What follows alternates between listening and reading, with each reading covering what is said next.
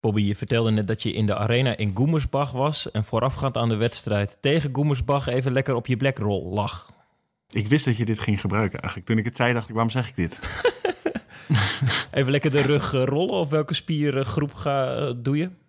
Rug, hè. 33 geworden. Dan uh, is de rug het belangrijkste. Onze gast van vandaag sluipt ook zo richting de 33. Maar eerst maar even de intro. Overigens, de, dit product natuurlijk te koop bij de vrienden van Blackroll. Een handje is meer dan voldoende. Oh yes! It's a goal on the final buzzer! Just another day at the office voor Luc Steins, de spelmaker van PSG. Abing steps up. Cometh the hour, cometh the woman. Loopt hem goed door in de winkelhaak. Van Wetering. 12-5. Glimlach van Angela Malenstein en het publiek op de banken. Komt jongens, hou je, hou je vol, want ik heb iets uh, bedacht. Dag mensen van het internet, dat ik in Spielmacher ooit eens zou beginnen over Ronnie Apers, uitbater van Ronnie's Friethuisje, had ik maar moeilijk kunnen voorspellen. Maar het thema van vandaag, te weten de Benelink, brengt me zover. Naast zijn friethuisje in het Belgische Moerbeke tapte Ronnie Apers van het friethuisje ook jarenlang biertjes in café De Grens, te Koewacht. Nederlands Koewacht, precies op de grens tussen, jawel, bingo, Nederland en België, Zeeland en Oost-Vlaanderen, om precies te zijn. Inmiddels is Café de Grens van Ronnie Apers, van Ronnie's Friethuisje, failliet. Geen thema-uitzending vanaf locatie, maar de Benelink bestaat nog en hoe. Praten over de toekomst van de grensoverschrijdende topcompetitie met sidekick Bobby Schagen, die één keer vaker in de Benelink heeft gespeeld dan dat hij in Koewacht is geweest, schat ik zo in. En een Benelink-veteraan, en dat is Ivo Steins. Goeiedag jongens. Goeiedag. Goeiedag, Stijn.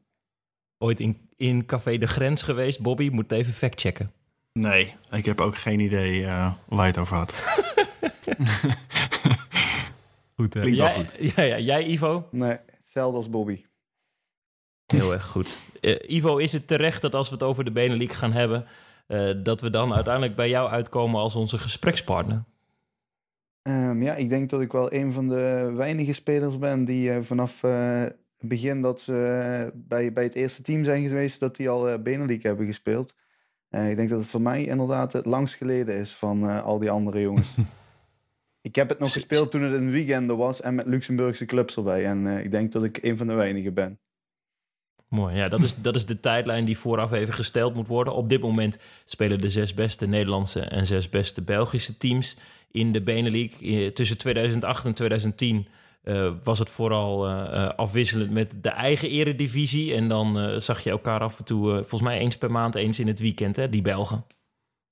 Ja, zoiets, ja, inderdaad. Klopt. En daar heb jij ook nog gespeeld, Bobby, in het Oranje van Volendam, schat ik in. Ja, ik uh, was volgens mij in 2008 was ik erbij in het allereerste jaar. Toen was het inderdaad nog uh, gewoon af en toe een weekend dat je dan twee dagen ergens speelde. En uh, ja, zoals gezegd ook tegen Luxemburgse ploegen. Lang geleden. Ja, dat is inderdaad ruime tijd geleden. Voordat we de diepgang ingaan en ook de waarde van de competitie eventjes gaan wegen. Afgelopen weekend, Ivo, uiteindelijk niet gelukt tegen de oude ploeg van Bobby Volendam. 34-36, een pijnlijke nederlaag. Ja, we zijn een beetje doorgegaan waar we de week daarvoor begonnen waren uh, tegen Hurry Up. Uh, we hadden volgens mij nog vijf wedstrijden om twee puntjes te verzamelen. En dan uh, op papier was dat tegen Hurry en Volendam de beste mogelijkheid. En we hebben nu nog drie kansen, maar wel thuis tegen Alsmeer, uit MVC en thuis tegen Bocholt om die twee puntjes te halen. Dus we hebben onszelf niet makkelijk gemaakt. Nee, toch, toch komt de Final Four dan wel dichtbij. Moet je hem nog wel eventjes inkoppen. Ook voor die plaats 4 is het nog hartstikke spannend. Daar gaan we het straks eventjes over hebben. Bobby, jij tipte ook om met Ivo te praten. Oud-international natuurlijk, een voormalig collega bij, bij Oranje. Omschrijf hem eens als speler, maar ook als mens buiten de lijnen. Oeh, um, ja, ik denk dat Ivo een heel gewaardeerde collega uh, international was bij ons. Um, ik ken hem natuurlijk alleen voor het Nederlands team, niet van de club. Maar um, ja, een uh, hele goede, slimme cirkelloper. Die altijd heel goed in de groep lag. Ik had hem er graag nog altijd bij gehad. Ja, hij is echt zo'n zo iemand die ehm, eerst aan het team denkt en dan aan zichzelf, zeg maar. En dat heeft niet elke speler. En ik denk dat hij daarom ook aanvoerder bij Lions lange tijd is uh, al. En ja, iemand die zich uit durft te spreken, die meedenkt met het team. Ehm, ja, wat ik zei, ik had er maar altijd graag bij. En ook buiten het handbal altijd zich inzet voor de ploeg. Dus uh, ja, ik vind het nog altijd jammer dat hij er niet meer, uh, dat hij gestopt is bij ons. Maar goed, hij is ook wel zo iemand die niet over te halen is. Dus uh, ik had daar ook niet echt moeite voor gedaan. Gestopt uh, Ivo en inmiddels spelend op de middenopbouw bij Lions. Dat is iets anders dan uh, de cirkel. Waarom niet meer bij Oranje? Het was natuurlijk online, online wel te lezen, maar uh, wat is je eigen tekst? Oh ja, ik, ik heb altijd met heel veel plezier met de jongens opgetrokken. En ja, het is een super grote eer om bij het Nederlands team te spelen. Maar op een gegeven moment merkte ik dat het mij meer energie ging kosten dan dat ik ervoor terugkreeg. Um, ik, had, ik had wel ik had geen moeite met mijn positie. Ik begreep die positie, dat ik niet veel speelde. Uh, maar vervolgens moet je jezelf gaan afvragen of dat is wat je wil. Um, elke dag uh, in een hotel vertoeven, eten, drinken, slapen, trainen, video. het leven als een prof, waar ik ooit bewust niet voor gekozen heb. Um, en dan ook wetende dat je, waarvoor je er eigenlijk belt, om te handballen, dat je daar weinig aan toekomt. en ook dan, dat gaat aan je motivatie vreten. Als, je niet, als het niet meer uitmaakt hoe goed je traint, uh, ja, dan wordt het wel lastig. Um, en dan, ja, dan maak ik andere keuzes. Ik merkte ook dat ik bij Lions misschien een beetje de, de supermotivatie miste. Uh, omdat ik daar ook al een trucje deed wat ik al jaren deed op de cirkel. En we hadden in oktober vorig jaar volgens mij nog geen, nog geen, geen middenopbouw voor dit seizoen. En ja, toen is het balletje eigenlijk gaan rollen. En toen wist ik dat ik moest gaan kiezen tussen of cirkelloper blijven en nog een aantal interland spelen misschien. Of in ieder geval erbij zijn. Um, of mezelf opnieuw te prikkelen en te kiezen voor de middenopbouw. ja, waar ik dan eigenlijk toch dagelijks mee bezig ben bij mijn club. En ja, ik heb daar eigenlijk nog geen moment spijt van gehad. Stoer. Hoe gaat het je af vanaf de midden? Ik heb je mogen zien. Ik vind het mooi. Je start heel veel op snelheid in. Je zei zelf dat anderhalf week geleden misschien niet je meest gelukkige wedstrijd was in Zwarte Meer. Ik vind het toch heel knap. Ja, ja het, het mooie vind ik dat er nu een heleboel beter kan in één keer. En uh, als we verliezen is het uh, ja, waarschijnlijk ook door mij. En uh, ja, dat was de afgelopen twee wedstrijden zeker zo. Ehm, nu win ik liever door mij. Maar ehm, ja, op de cirkel ben je zo afhankelijk. En ja, vooral in wedstrijden waarin het dan niet goed gaat, uh, stond ik daar een beetje te zwemmen. En dat waren dan vaak ook nog finale wedstrijden. Dan wil je je spelaandeel aandeel claimen, maar uh, dat gaat dan niet. Dus ja, het bevalt me super goed. Ik vind het super leuk om, om me elke dag daar, daarin te verbeteren. En ja, ja, ik vind het super leuk. Bobby, heb jij middenopbouwer Ivo al in actie gezien? Nee, helaas niet. Nee. Maar ik, ik, kan, me wel, ik kan me wel een beeld bij, bij schetsen. Hij is denk ik ook een van de weinige cirkelopers die ik toevertrouw om uh, te worden. Want uh, meestal blinken ze toch niet uit in uh, spelinzicht. Dus ik zou er niet heel veel dit aanraden, zeg maar. Maar Ivo is wel iemand die ik het toevertrouw om het goed, goed te doen. Supermooi. Jongens, de, de, hoofdvraag van deze podcast, en ik, ik gooi hem dan gelijk maar eventjes in, is hoe, hoe, waardevol is de Benelink voor het Nederlandse handbal? gebleken. En dan kan ik denk ik het beste eerst eventjes richting, uh, richting Ivo gaan.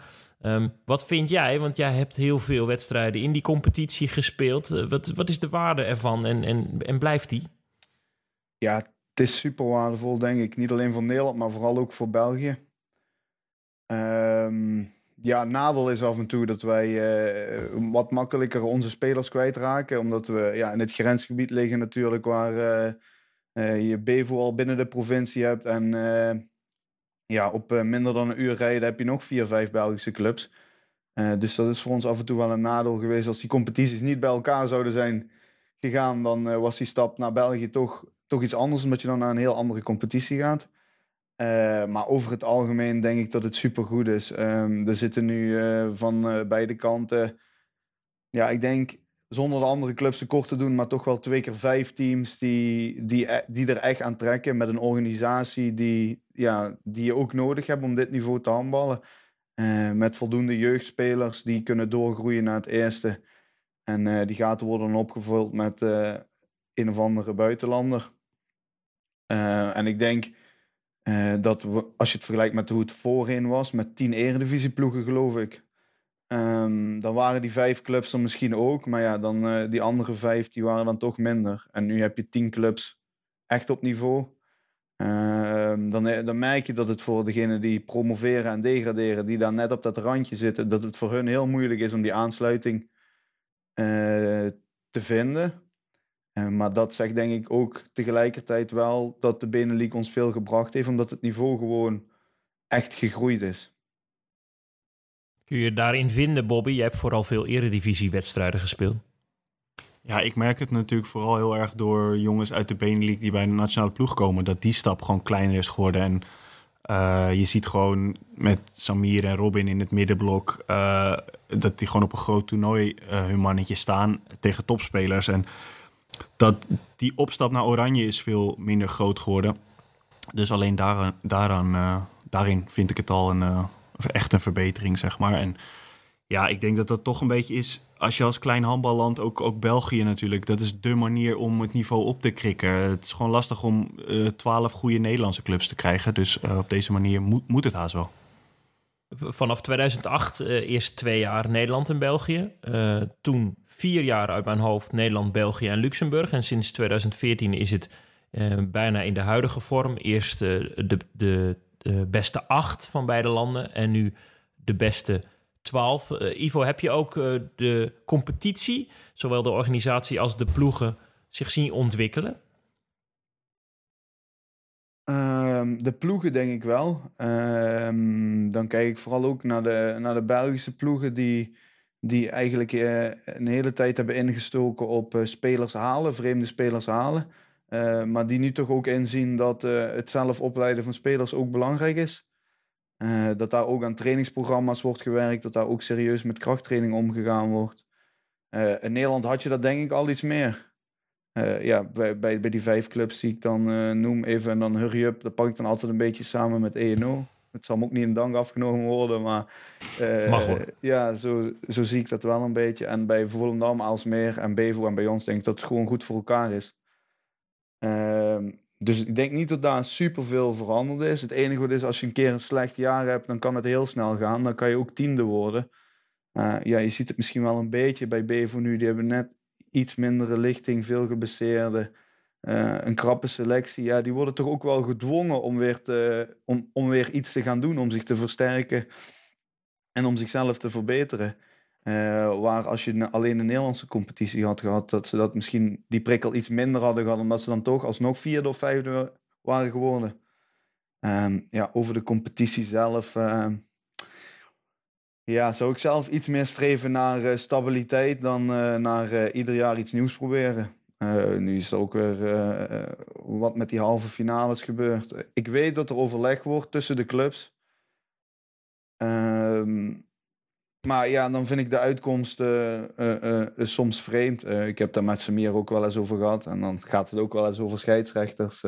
nodig eens een keer alle aanvoerders uit om daarover mee te praten ja, er wordt een beetje van uitgegaan dat die, dat die mening van die aanvoerders door het bestuur van de clubs of diegenen die dan bij die andere vergaderingen zitten worden, worden meegenomen. Maar ik merk dat er soms toch wel uh, anders gedacht wordt door, door de spelers dan door de bestuurders.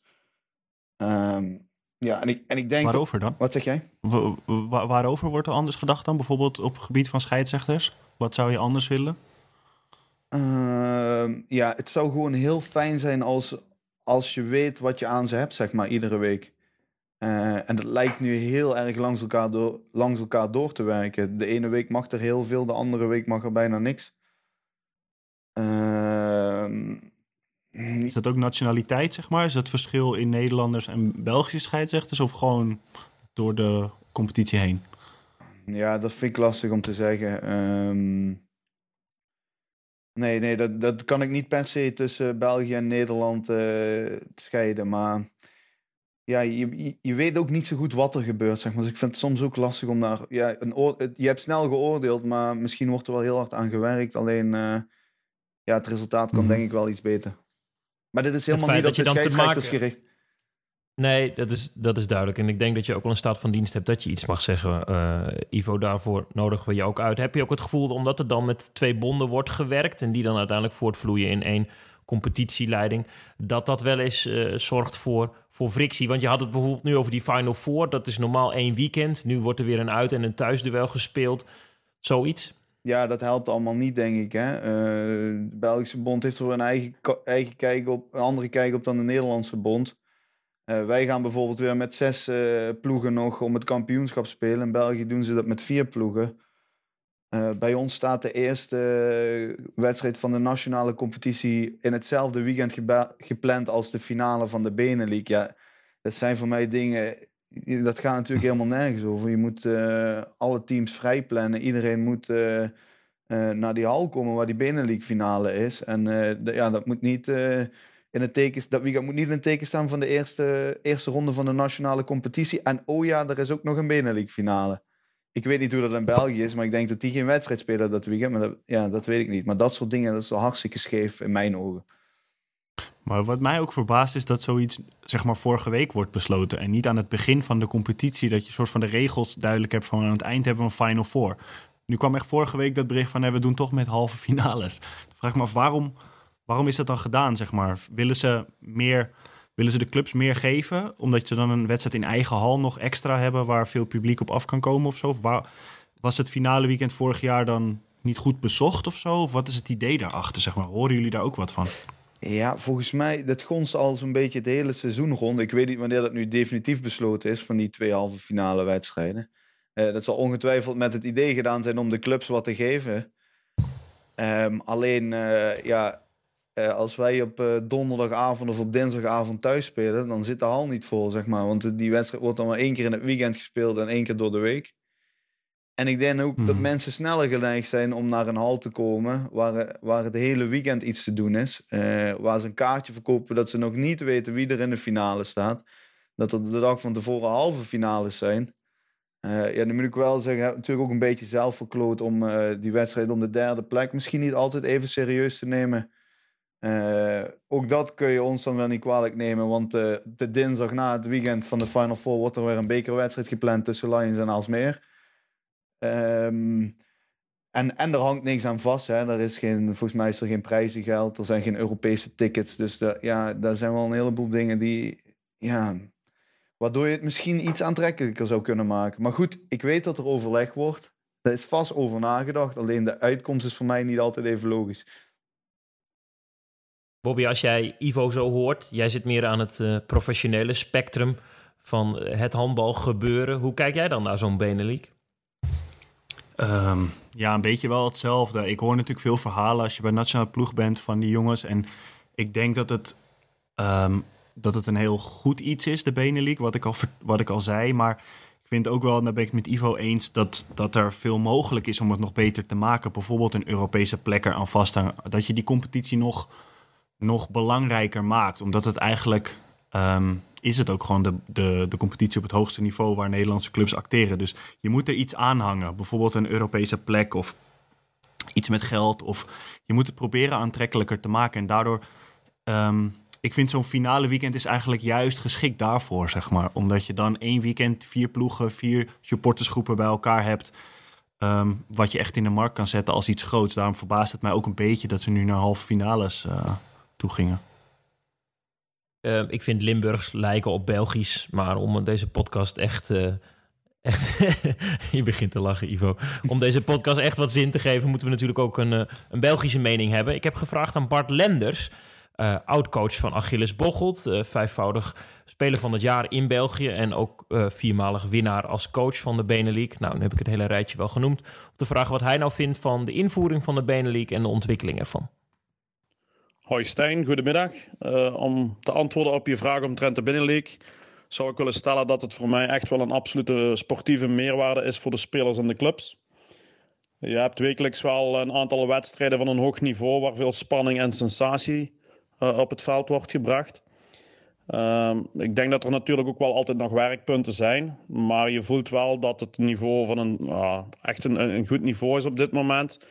Want je ziet ook dat er een aantal spelers naar het buitenland vertrekken bij beide landen. Uh, internationaal, bijvoorbeeld op het afgelopen WK, waren heel veel binnenleague spelers actief. Dus ik denk dat de binnenleague wel het respect verdient. Uh, daar wordt door de clubs wel hard gewerkt om uh, bij die top te horen. Maar er is te weinig concurrentie van onderuit om ja, die zes clubs per land ja, onder druk te zetten om hun niveau te behouden. Ik denk dat er in beide landen weinig interesse is uit de clubs in eredivisie om naar die binnenleague te gaan. Dat er zelfs een aantal weigeren om die stap te zetten. En dat is eigenlijk een beetje jammer, waar, ja, waar we toch wel aan zouden moeten werken om de toekomst van het handbal nog ruimer, groter te maken. Uh, ook voor de jongere spelers is het moeilijk om direct in die binnenleague te starten. En als je club dan geen ambitie heeft, moet je al snel de stap maken naar een binnenleague club, waar dan misschien de spelmoment of de spelgelegenheid aan de mindere kant zou kunnen zijn. Uh, waar ik wel het gevoel heb, is denk dat we een beetje moeten gaan moderniseren, kleine veranderingen aanpassen aan die competitie om het toch weer opnieuw fris en uh, origineel te houden. Want we zijn al een aantal jaren in hetzelfde stramien. 12 clubs, uh, competitie, 22 wedstrijden. En uiteindelijk dan in de Final Four wordt alles beslist. Nu is de Final Four wel aangepast naar een uit- en thuiswedstrijd in de halve finale. Dat is al een positieve stap. Maar ik denk om nog meer spankracht en meer strijd te krijgen elke week, dat we misschien naar een volwaardige competitie moeten gaan. Met Europees ticket natuurlijk, als dat mogelijk is, als uh, ja, grote ambitie voor de clubs. Uh, dus voor mij hoeft die Final Four op zich niet. Ook al is het een leuk weekend, maar je kan daar ook alles uh, in één keer verliezen door pech of door blessures. Heb je zeven maanden heel hard liggen strijden om in de Final Four te geraken. En dan op één weekend kan je alles winnen of verliezen. Ivo, je moest eventjes uh, een beetje glimlachen toen je me hoorde praten. Ook overal bij het tweede deel. Hoe zie jij dat? een volwaardige competitie oppert Bart Lenders? Nee, ja, ik moest lachen omdat we, omdat we het dan hebben dat wij die halve finales niet begrijpen. En uh, dat Bart zegt dat is een stap in de goede richting, zo zie je. Maar dat als je daar uh, met 12 clubs over vergadert, dat het uh, waarschijnlijk nooit 12 tegen 0 zou zijn. Ehm, ik begrijp wat hij zegt. hij heeft ook heel vaak aan die kant gestaan. Hè, dat uh, Bochel het hele jaar bovenaan stond en dat ze dan op de Final Four toch nog hadden kunnen verliezen. Dat is niet vaak gebeurd trouwens, maar ik begrijp, ik begrijp zijn idee daarin wel. En ik denk dat een volwaardige competitie natuurlijk super zou zijn. Um, alleen niet met 12 teams. Je gaat niet vier keer tegen elkaar spelen in dezelfde competitie. Dat maakt het ook niet interessant. Zou de Luxemburgers er super graag bij hebben. maar ik begrijp ook dat ze daar in Zwarte Meer niet zo op staan te springen. Dan, wij hoeven maximaal maar 3,5 uur bij de kant op. maar voor Hurry Up is het dan om de twee weken 4 tot 7 uur in de bus. En ja, ik kan me, ik kan me voorstellen dat, dat daar als semi-profs ook niet, niet super blij van wordt.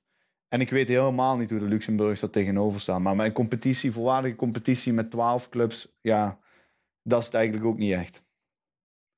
Als je er dan zes Luxemburgse bij haalt, dan zit je op 18. Ik heb wel eens een gerucht gehoord dat dat nog altijd wel een agendapunt is tijdens zo'n overleg. Bobby, is dat dan de, de oplossing naar, naar een volledige competitie? Bestaan er überhaupt zes Luxemburgse handbalclubs? Dat is het eerste wat, waar ik aan denk. Ik heb geen flauw idee. Ik weet niet wat het niveau is. Ik weet niet of zij überhaupt daar... Ik weet dat er altijd twee teams waren, geloof ik, die... Uh, toen in het begin van de Benelink deden er volgens mij ook minder Luxemburgse teams mee dan Belgische en Nederlandse teams.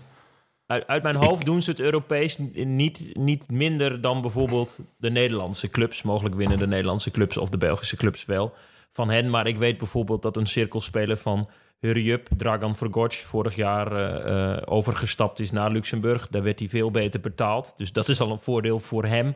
En, en daarbij vertelde hij mij dat het niveau oké okay is. Maar misschien weet Ivo daar meer van. Want jij oefent misschien wel eens met Lions tegen Luxemburgse clubs? Nee, niet vaak. Maar volgens mij hebben zij wel vier clubs echt op niveau hoor. Uh, volgens mij okay. zijn nummer 5 en 6 daar ook een heel stuk minder. Ja, maar met vier zouden we ook al een heel eind komen, hè? met vier Luxemburgse mm. clubs. Zeker. Maar dat is ook wat hij aanstipt met uh, dat van onder, dat dat heel lastig is. En dat heb je natuurlijk de laatste jaren met Houten, wat was het, Houten, Tagos, Quintus, altijd wel gezien dat die het heel zwaar hebben. Um, hoe los je dat zeg maar op? Of is dat iets wat, waar je als Benelink eigenlijk niet druk om moet maken, wat eigenlijk dat vooral die clubs beter moeten worden? Ja, ik denk dat we het in Nederland proberen op te lossen door na de Benelux nog met zes teams verder te spelen om het kampioenschap. Waardoor zij ook ehm, steeds meer weer, ja, het hele seizoen steeds meer weerstand hebben. Zorgt wel weer voor extra druk bij de, ja, bij de andere clubs, zeg maar. Hè? Eh, die wel eh, al die finales spelen en vier rondjes beker hebben. En eh, ja, wij spelen nu echt bovengemiddeld door de week. Ja, dat is ook niet alles. Ehm, persoonlijk zou ik voorstander zijn om met vier teams voor het Nederlands kampioenschap te spelen. Maar ik, ik, begrijp dat en ik denk dat dat niet per se slecht is. En nu word je gestraft als je niet promoveert, maar een beloning als je wel promoveert zou ook mooi zijn, zeg maar. Dat alle binnenleague teams uh, iets van startgeld krijgen of er ondersteuning is op facilitair gebied met betrekking tot livestream of sponsorwerving voor de club. Ik weet het niet, vloerstickers iets wat je gezamenlijk zou kunnen organiseren vanuit de Benelink. Ja, wat je club ook verder kan helpen, zeg maar. En niet alleen sportief gezien. Mhm. Dit jaar is Tagos erbij gekomen uit Waalwijk. Ook voor het eerst als kampioen van de eredivisie. Vind je dat een aanwinst, die club, Ivo? Ja, vind ik wel. Uh, die liggen natuurlijk in een regio waar nog geen andere club uh, uh, ligt. Ehm, zij spreken ook uit dat ze graag in de Benelink willen blijven. Ik denk dat dat dingen zijn, ja, die, die zijn al heel belangrijk. En ze hebben volgens mij ook best een, best een prima jeugdopleiding. Veel jongens uit eigen jeugd. Voor zo'n club is het heel lastig, want achter die beste spelers zitten de andere clubs dan weer gelijk aan. En als die andere clubs financieel nog iets kunnen bieden, of een huisje of een autootje of weet ik wat, dan, dan, dan is het voor jouw club natuurlijk heel lastig om, ja, om je staande te houden in de Benelux. Ik als verhalenmaker heb vorige week gesmuld van affiches in de beker als Hellas Alsmeer, maar ook eh, BFC Lions. En dan zie ik ook dat daar best wel heel veel publiek afkomt, uh, op afkomt. Is het, is het niet zonde dat dat soort wedstrijdjes er nu veel minder zijn? En is het misschien voor de verhalenmaker, maar ook fan, veel minder interessant als, als Eupen op bezoek komt in uh, Sittard? Ja, ja, ja wat, wat wil je daar gaan doen, vraag ik me dan af. Uh, ik denk dat het leuker is als het uh, 30-31 wordt dan wanneer het uh, 40-18 wordt. Uh, ja, zo'n derby is leuk en misschien moeten wij al uh, eerder instromen in die bekerrondes, zeg maar. Hè? En dat, die, uh, dat de lager geplace geplaceerde clubs dan altijd het thuisrecht hebben of iets. Dat zou je kunnen doen. Maar ja, ik begrijp wat je zegt, maar ik ben het daar denk ik niet per se mee eens. Maar dit is al iets wat al speelde toen ik zeg maar nog in de eredivisie speelde. Dat ze zeiden van ja, er gaat toch, er gaat toch niemand afkomen op toen de tijd nog Sascha. Gaan toch veel minder mensen afkomen op Sascha Volendam dan op uh, Volendam Hellas of zo. Maar dat, ik heb dat nooit, ik vind dat een beetje zo'n drogreden. Want waar, alsof de, de, de random bezoeker in Volendam het boeit of ze tegen Eupen moeten of tegen Lions met alle respect. Maar het is niet zo van, oh, dit zijn Nederlanders, dus nu gaan we wel kijken. Volgende week komen er Belgen, dus nu ga ik niet kijken. Ik snap dat niet, zeg maar. dat sentiment is er toch helemaal niet. Daarvoor is handbal toch te klein. Nee, ja, ik denk dat ook niet. En als je Europa Cup speelt, dan komen er extra veel mensen. Dus ja, dan, dat, dan is ook geen Nederlandse club tegen Nederlandse club. Het is wel wat Stijn zegt, als ENO tegen Riup speelt of uh, als Tuurlijk, uh, ja. Lions tegen BFC speelt, dan is dat natuurlijk wel anders. Maar uh, voor die twee wedstrijden per jaar lijkt het me geen goed idee om die Benelink overboord te gooien. Ja, ENO en BFC wilden allebei niet promoveren, toch? Toen. Dus dan denk ik, ja, dan moet je, daar, dan moet je daarop inzetten als je die derbies wil. Ja. ja. Nou, sterk debat, jongens. Mijn punt is afgebrand. Jullie winnen. Dat is oké. Over punten gesproken. Uh, dit weet Bobby niet, want het stond niet in het draaiboek. Maar ik vond het wel leuk. Willen jullie een kleine Benelink quizje uh, met me doen? Ja. Ja, is goed. Ik Mooi. ga dit niet winnen. Weet ik niet. Ik heb, er, ik heb erover nagedacht. Goed, vraag 1. Het zijn er in totaal zeven. Er zijn ook zeven punten te verdienen. Um, Jullie mogen om en om antwoord geven. Uh, eerst begint uh, Ivo. Welke uh, club pakte in 2008 het allereerste goud? Het zal Volendam zijn geweest. Alsmeer. Sascha uit België, jongens, ja, in de finale de tegen Bevo. Ja. 2009 Alsmeer. Finale tegen Volendam. Ja, dit, is, dit, is, alsof je over de oorlog praat, zo lang geleden. het, het, blijft 0-0. Heel goed. Wie, wie, van de volgende internationals heeft de minste minuten in de Benelux gespeeld? En nu mag Bobby zo meteen als eerste antwoorden. Is dat Dani Baaiens, Niels Verstijnen of Nico Blauw? Ivo lacht, Ivo weet het natuurlijk. antwoord. Jij zegt Niels, Niels- Verstijnen. Wat zeg jij, Ivo? Eh, ik denk ook Niels Verstijnen. Klopt, jullie hebben beide een punt, want die heeft nog nooit in de Benelux gespeeld. Ging natuurlijk rechtstreeks richting Flensburg. Olsen, Merksem en Houten speelden beiden één seizoen in de Benelux om daarna weer te degraderen. De Belgen in het seizoen 2016-2017 en Houten in 1920. Wie pakte in 22 wedstrijden zes punten en wie pakte er zeven? Ivo? Eh, Houten pakte er zeven. Wat zeg jij, Bobby? Ja, ik ga mee met Ivo. ik heb geen flauw idee. Ja, dat moet je niet doen. Het blijft 1-1. Want eh, Olsen Merksem won drie keer en speelde een keer gelijk. En Houten werd laatste door drie keer te winnen en de rest te verliezen. Hoe vaak heeft Luc Steins, het broertje van Ivo, de Benelux gewonnen? Bobby? Dit is oneerlijk. Ehm, hoe vaak? Hoe vaak zou die er, hoe langer zou die er hebben gespeeld? Ik denk, ik denk één keer. Ivo? Ik denk één keer minder dan zijn grote broer. dat is helemaal juist. Ivo twee keer en samen in 2015. Dus het staat 2-2. Welke van deze ploegen heeft de Final Four van de Benelux nog nooit gehaald? ENO, Eupen of Hurry Up? Ivo? Dan ga ik voor Eupen. Bobby? Ja, 1-0 was vroeger best wel goed. Hurry Up had een tijd. Toen wonnen ze ook een keer de beker. Dus misschien dat ze het toen gehaald hebben. Eupen, ik heb geen flauw idee. Ik ga ook voor Eupen. Ja, Bobby schaar. Ja, sorry, maar ik wil ook niet verder achter raken. Nee, nou, dat is gelukt. Jullie hebben het beide juist. ENO haalde het in 2010 en Hurry Up in 2013. En Eupen is debutant. Dus jullie hebben allebei drie punten. Hoeveel Benelux-spelers kwamen tijdens het openingsduel van België op het afgelopen WK tot scoren tegen latere winnaar Denemarken? Vier, vijf of zes, Bobby? Hoe moet ik, hoe moet ik dit Ja, weten? Oké, toch? tegen Denemarken hebben ze niet heel veel doelpunten gemaakt. Ehm, maar er zitten natuurlijk wel veel Benelux-spelers in. Zes, dat is, zijn er wel veel verschillende. Ik ga voor verder vijf. Ivo? Dan ga ik voor zes. Het waren Pierre Brix, 1, Kobe Serras, Serge Sporen, 3, Ivan Kozen, 4 en Arbe Karimi, 5. Dus dit puntje gaat alleen naar Bobby Schagen. Het duimpje krijgt hij van, eh, van Ivo Steins. Dus er staat 4-3, maar de allerlaatste vraag komt nog. En als jullie jee. goed naar mijn relaas hebben geluisterd... en ik weet dat Bobby niet altijd goed naar mij luistert... weet hij het antwoord al. Eh, slotvraag. Als coach heeft Bart Lenders, zojuist te horen in deze podcast, viermaal de Benelux gewonnen. Hoe vaak deed hij dat als speler van Achilles Bocholt? Eh, Bobby eerst. ik heb natuurlijk weer niet te luisteren. Eh, als Bo- Bocholt heeft vaak gewonnen, maar hij... Ik heb hem nog gegoogeld. Hij was best wel oud. Eén keer. Niveau. Twee keer. In 2013 alleen als speler van Achilles Bocholt. Dus deze quiz is gewonnen door Bobby Schagen. Hij heeft zich ingewezen. Dat is oneerlijk. Ja, Ik wist misschien alleen dat hij uit in. 1977 kwam. Ah.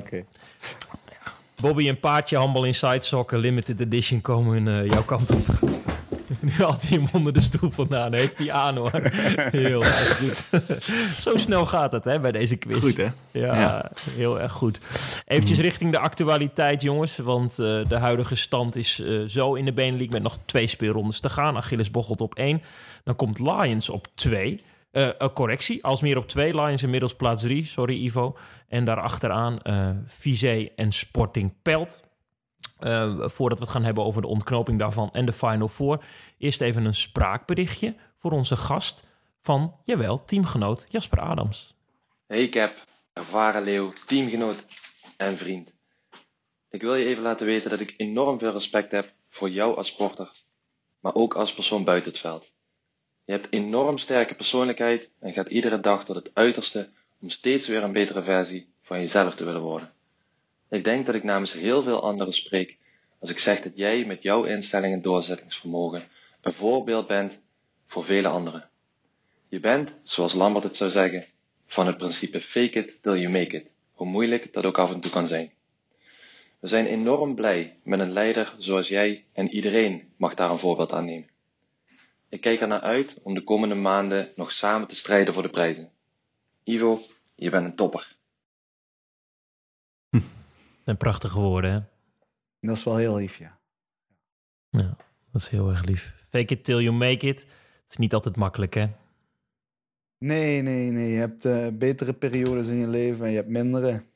En eh, ja, ik zit niet in de beste periode van mijn leven, maar eh, er is maar één weg en dat is vooruit. En ja, we komen daar ook weer bovenop.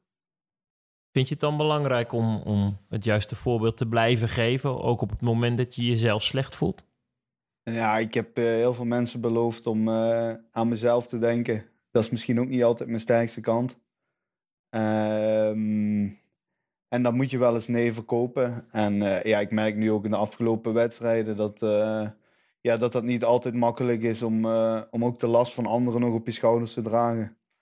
En eh, ja, ik ben wel zover dat ik dat ook accepteer. En eh, die, die, die betere tijden die gaan ook alweer komen. En dan komt de ware aard van het beestje toch alweer boven. Eh, maar ja, goed, de dingen die je meemaakt in je leven, die vormen je. En ja, dat gebeurt ook bij mij.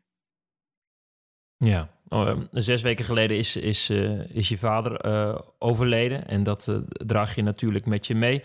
Ehm, eh, heb jij deze kracht ook altijd bij eh, Ivo gezien, eh, Bobby? Ehm, ja, dat is moeilijk om, om te zeggen. Ehm, hij leek mij nooit iemand aan wie je heel erg af kon zien eh, hoe het met hem gaat, zeg maar. Ehm, dat leek gewoon van buiten altijd goed te gaan. Dus dat weet ik niet. Dat is moeilijk te zeggen. En eh, het is een drama wat je nu meemaakt, heb je natuurlijk daarvoor ook een, nooit gehad. Dan liep, ging misschien alles van een leien dakje. Dus ja, ik weet het niet. Eh, dat kan ik niet echt zeggen. Hij leek mij, wat ik zei, hij was iemand die, of is iemand die, eh, had ik het gevoel altijd meer aan, of eerst aan het team dacht en dan aan zichzelf. Dus dat bevestigt wel een beetje ook wat, eh, wat Jasper zegt. Heb je veel steun aan Jasper? Ja, ik kan heel goed vinden met Jasper, ja. En eh, hij is nog eh, van een generatie voor mij, ik wou zeggen van, van mijn generatie. Eh, en eh, ja, er loopt ook, ook wat, wat, veel jonge gasten bij, bij ons rond ondertussen. En eh, soms is het wel fijn om ook even met iemand op de training, heb ik het dan over, van je eigen generatie te sparren. En buiten het veld gaan we privé ook hartstikke goed met elkaar om. Dus ja, ik heb wel, wel veel aan Jasper, ja. Fijn. Hij ook international af. Bobby, drie van dat soort gasten doen niet meer. Naast Jasper Adams ook eh, Jeffrey Ja. Boomhouwer en Iso Sluiters. Heb je ze uitgezwaaid? Ivo heeft een eh, trend ingezet. En hij zei het net al. Het is fijn om af en toe met iemand van je eigen generatie eh, te sparren op trainingen. Ze laten mij allemaal zitten hè, nu bij het Nederlands team. Want er blijft niemand meer echt over. Dus ehm, ja, ik moet maar even gaan zien hoe dat zal gaan zijn in, in maart. Maar ehm, ja, ik vind dat altijd jammer. Maar goed, het hoort erbij. En ja, Jasper eh, was ook niet echt meer over te halen. En eh, Jeff eigenlijk ook niet. Dus eh, ISO is volgens mij nog in noodgevallen beschikbaar. Maar ehm, ja, ik ga ze wel missen hoor. Want het zijn toch jongens met wie, eh, vooral die drie, nu met wie ik al sinds Jong Oranje speel. Dus ja, ik vind het wel jammer. Maar goed, zo gaan die dingen. Nederland plus 35 oprichten. Daar mag ik dan nog niet in. Dus, maar goed idee. Of, eh, misschien over enkele jaren, zoiets. Duur nog even. Dat lijkt me hartstikke goed. Eh, je moest heel hard lachen, Ivo. Nee, ik moest, ik moest denken aan. eh, in januari waren er twee trainingsdagen voor Nederland onder 24. En eh, van eh, zo'n beetje enige international bij mijn club was ik de enige niet-international met eh, onze drie Duitsers en onze Portugees. En toen zeiden ze ook, ja, misschien kunnen we een veteranenteam voor je oprichten. Dan kun je er ook een keertje, een keertje bij. Ja. Het zijn allemaal gasten die zeg maar uit 2002 of 3 of zo komen. Dat is echt bizar. Dat is echt... Zeg, wanneer ben je geboren? Ja, 2004. Wat? Gewoon Ja. geen gulden, niks. Ja, heftig.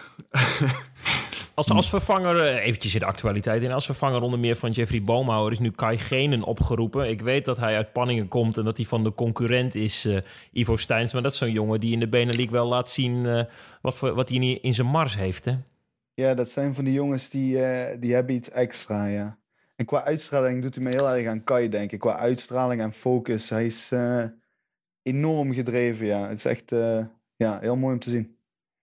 Wie zijn nu bij, bij Lions, zeg maar, de nieuwe uh, Kai en Luc die jij over een paar jaar ziet spelen in de Bundesliga? Z zijn die er? Heb je jongens in je team waarvan je denkt dat zijn echt klanten voor Oranje? Um, ik predik hier altijd uh, bij mijn club uh, dat zoals Kai en Luc zijn er heel weinig tot geen. Um, mm -hmm. Die jongens die deden een heleboel extra voor hun sport. Um, en als ik het daar dan over heb, dan is Robin Leunissen bij ons degene die daarbij in de buurt komt. en er zijn nog wel jongens met talent. maar ja, die, die, die, dat moet je wel gaan gebruiken en op een juiste manier gaan gebruiken. En dat moet je elke dag gebruiken en niet wanneer het jou uitkomt. Um, dus ja, er zijn bij ons genoeg talenten. Uh, alleen om het zo ver te schoppen als uh, Luc en Kai is er wel uh, een heleboel meer nodig in mijn ogen, wat ik van dichtbij heb meegemaakt. Mm -hmm. Herken je dat, Bobby? Ja, zeker. Ja, dat, dat, heb ik al zo vaak gezegd over die twee. Dat die leven echt voor handbal. En um, ja, in die maat heb ik het ook nooit gehad. En uh, daarom zijn zij ook een stuk verder gekomen. Um, dat bewonder ik alleen maar. En ja, ik hoop dat daar meer van voor het Nederlands handbal snel bij komen. Dus jij als veteraan, Ivo, zou voor de volgende richting, lichting Benelux-spelers dan toch wel willen zeggen dat, dat mentaliteit heel belangrijk is als pijler? Je kunt een half uurtje eerder naar de training komen en een half uurtje langer blijven om wat zaken extra aan te pakken. Nou, en, en, dan gaan we zien of we dat soort gasten over vijf jaar nog steeds in de competitie spelen waar wij het nu over hebben. Of dat er, zoals Bart Lenders zegt, toch een andere prikkel is uh, toegevoegd aan het hele bestand om het uh, een beetje spannender ofwel uh, professioneler te maken. Wie is nu de, de beste speler in de Benelux volgens jullie allebei? Ja, ik Top denk drie? voor mij is Samir wel de beste speler. Er wordt elke week een, er wordt elke maand een speler van de maand gekozen, maar die speelt dan uh, of bij de nummer 8 of bij de nummer 7. En die wordt nooit gekozen van de, van de koploper of van de nummer 2. En ik denk dat dat misschien wel eens uh, onderschat wordt. Als jij dragende speler bent bij een team uh, wat ieder jaar voor het kampioenschap strijdt, dat voegt voor mij wel extra waarde toe. En aanval Ja, en dekking. Mm -hmm. Ja. Zal ik dan een Belg noemen? Dan zijn we weer in evenwicht. Dat is goed. Ja, hij is niet, niet altijd uh, zo goed als dat ik hem toen zag in Zwarte Meer. Maar ik vind Jeroen de Beulen heel goed. Die kan heel goed zijn. Die kan uh, verdedigend zijn mannetje staan. En die uh, beslist op dat moment ook de partij tegen Hurry Up aanvallend gezien. Heb je nog mee gespeeld, hè? Ivo was een tijdje een leeuw. Ja, ook een heel fijne teamgenoot. Jeroen is echt een super gozer. En ja, die van wat, wat, wat, wat ellende gehad met zijn heup. En ik vind het super knap hoe hij op zijn leeftijd uh, daar nog echt veel voor doet om fit te blijven. En uh, ja, om nog steeds in de Benelux te spelen, wat hij toch al uh, heel wat jaren gedaan heeft. Jullie als Lions moeten een beetje de rug rechten. Je noemde het al, nog enkele speelrondes te gaan. Jullie moeten nog drie keer uitkomen. Als deze podcast is uitgekomen, is daar nog twee keer van. Want op dinsdagavond, ja, nu ga ik iets zeggen, terug in de tijd. Mensen weten nu al lang hoeveel het is geworden. Um, moeten jullie thuis tegen Alsmeer. Nog twee punten nodig. Uh, vind je je kanshebber op die uh, eindzegen? Oh ja, op de, in de vorm waarin we nu verkeren zijn we geen kans hebben voor de eindzegen. Maar dat hebben we vorig jaar gezien in dat Benelux weekend. daar, daar hoeft maar één opleving te komen en je bent weer kanshebber. het is wel zaak dat die opleving niet nog een aantal weken op zich laat wachten, want dan krijgen we de kans niet eens om voor de titel te spelen. Dus ja, dat zal nu wel snel moeten gaan gebeuren. Bobby, als Ivo niets wint dit jaar, niet de Benelux, niet de beker, niet de uh, nationale titel, wordt hij dan zagrijnig, denk je? Dat weet ik 100% zeker, ja. Ligt dan dat vaak aan de middenopbouwer, hè? Ja, nu kan hij niemand meer de schuld geven. En dat is natuurlijk wat je als hoek- en cirkelloper, um, wat wij altijd konden doen. Um, dan krijg je gewoon te weinig ballen of slechte ballen. Maar nu uh, kan het niet meer. Dus daar heeft hij zichzelf mooi ingebracht in die positie. Ja, laten we hopen dat ik nog een nieuw contract krijg dan. Ja. oh, dat zit er wel in. Dat zit er wel in. Uh, tot zover uh, deze podcast. Als mensen de ontknoping van de Benelink of de Handbal NL League, die daarna gaat volgen, uh, willen volgen. dan moeten ze natuurlijk handbal inside blijven uh, checken, Ivo. Dat zeg jij toch ook in Limburg? Ja, zeker weten. Ik heb, ik heb nog wel één vraag. Mag ik nog iets vragen? Um, ik ken je als iemand die um, heel veel ideeën heeft over het handbal en zo. Zie je jezelf um, na, als je stopt, ook iets doen op bestuurlijk niveau of, eerder als trainer? Want volgens mij hebben we het daar al een keer over gehad, dat trainer misschien niet per se iets is wat je zou willen doen, maar op bestuurlijk niveau en wat dan? Meer bij een club of zie je jezelf ook voor de bond of voor de Benelink iets doen? Um, ja, ik vind de combinatie maatschappelijk en uh, sport uh, wel superleuk eigenlijk. Uh, ik ben ook wel van mening dat als je iets doet, dan moet je het goed doen en dan moet je er vol voor gaan. Ehm, trainer, dat lijkt me inderdaad op ons niveau niet per se iets waar ik op sta te springen. Om al die wedstrijden te analyseren en dan al helemaal bij het Nederlands team. Wij, bedoel, wij kijken één wedstrijdje en een aantal clips, maar bij het Nederlands team ja, worden soms beelden gesneden van vijf wedstrijden. Ja, dat, zie ik mezelf echt niet doen. Ehm, en als bestuurder. Uh, ja, ik heb er toevallig uh, nu ook over nagedacht. Ik zag dat bericht dat, uh, dat zij zijn ring stopt. En toen dacht ik van. Dat is op zich best een leuke baan. en volgens mij was hij er ook heel erg geschikt voor. Ja. maar, maar zoiets zou misschien wel leuk lijken. Maar op clubniveau, hoofdjeugdopleiding of dat soort zaken. Dat, ja, dat is wel iets waar ik denk ik warmer van word dan, dan het trainerschap. Maar daar gaat dan ook weer heel veel tijd in zitten. En ja, dat ken ik mezelf ook. Dan ga ik er helemaal voor. Dus dat is maar net hoe je leven er op dat moment voor staat. Hè. Volgens mij kan een Steins zich wel ergens in verliezen. Kun je wel dit blouseje aanhouden dat je nu aan hebt? Ja, vind je mooi? Hij ziet eruit als een technisch directeur, vind ik. ik voor, voor mij hebben we nu nummer één kandidaat. Oh. Ja, en anders, en anders uh, leider van uh, het Benelink Board. Want uh, vers van de pers gezien is Huistra. Stop ermee. Ja, vacatures genoeg, ja. Kan maken? Ja, doe maar Bobby, zeg het maar. Hij houdt het voor gezienis. Sorry, dat had ik altijd al willen doen. Lieve jongens, tjus. Tjus, bedankt Ivo. Jullie bedankt.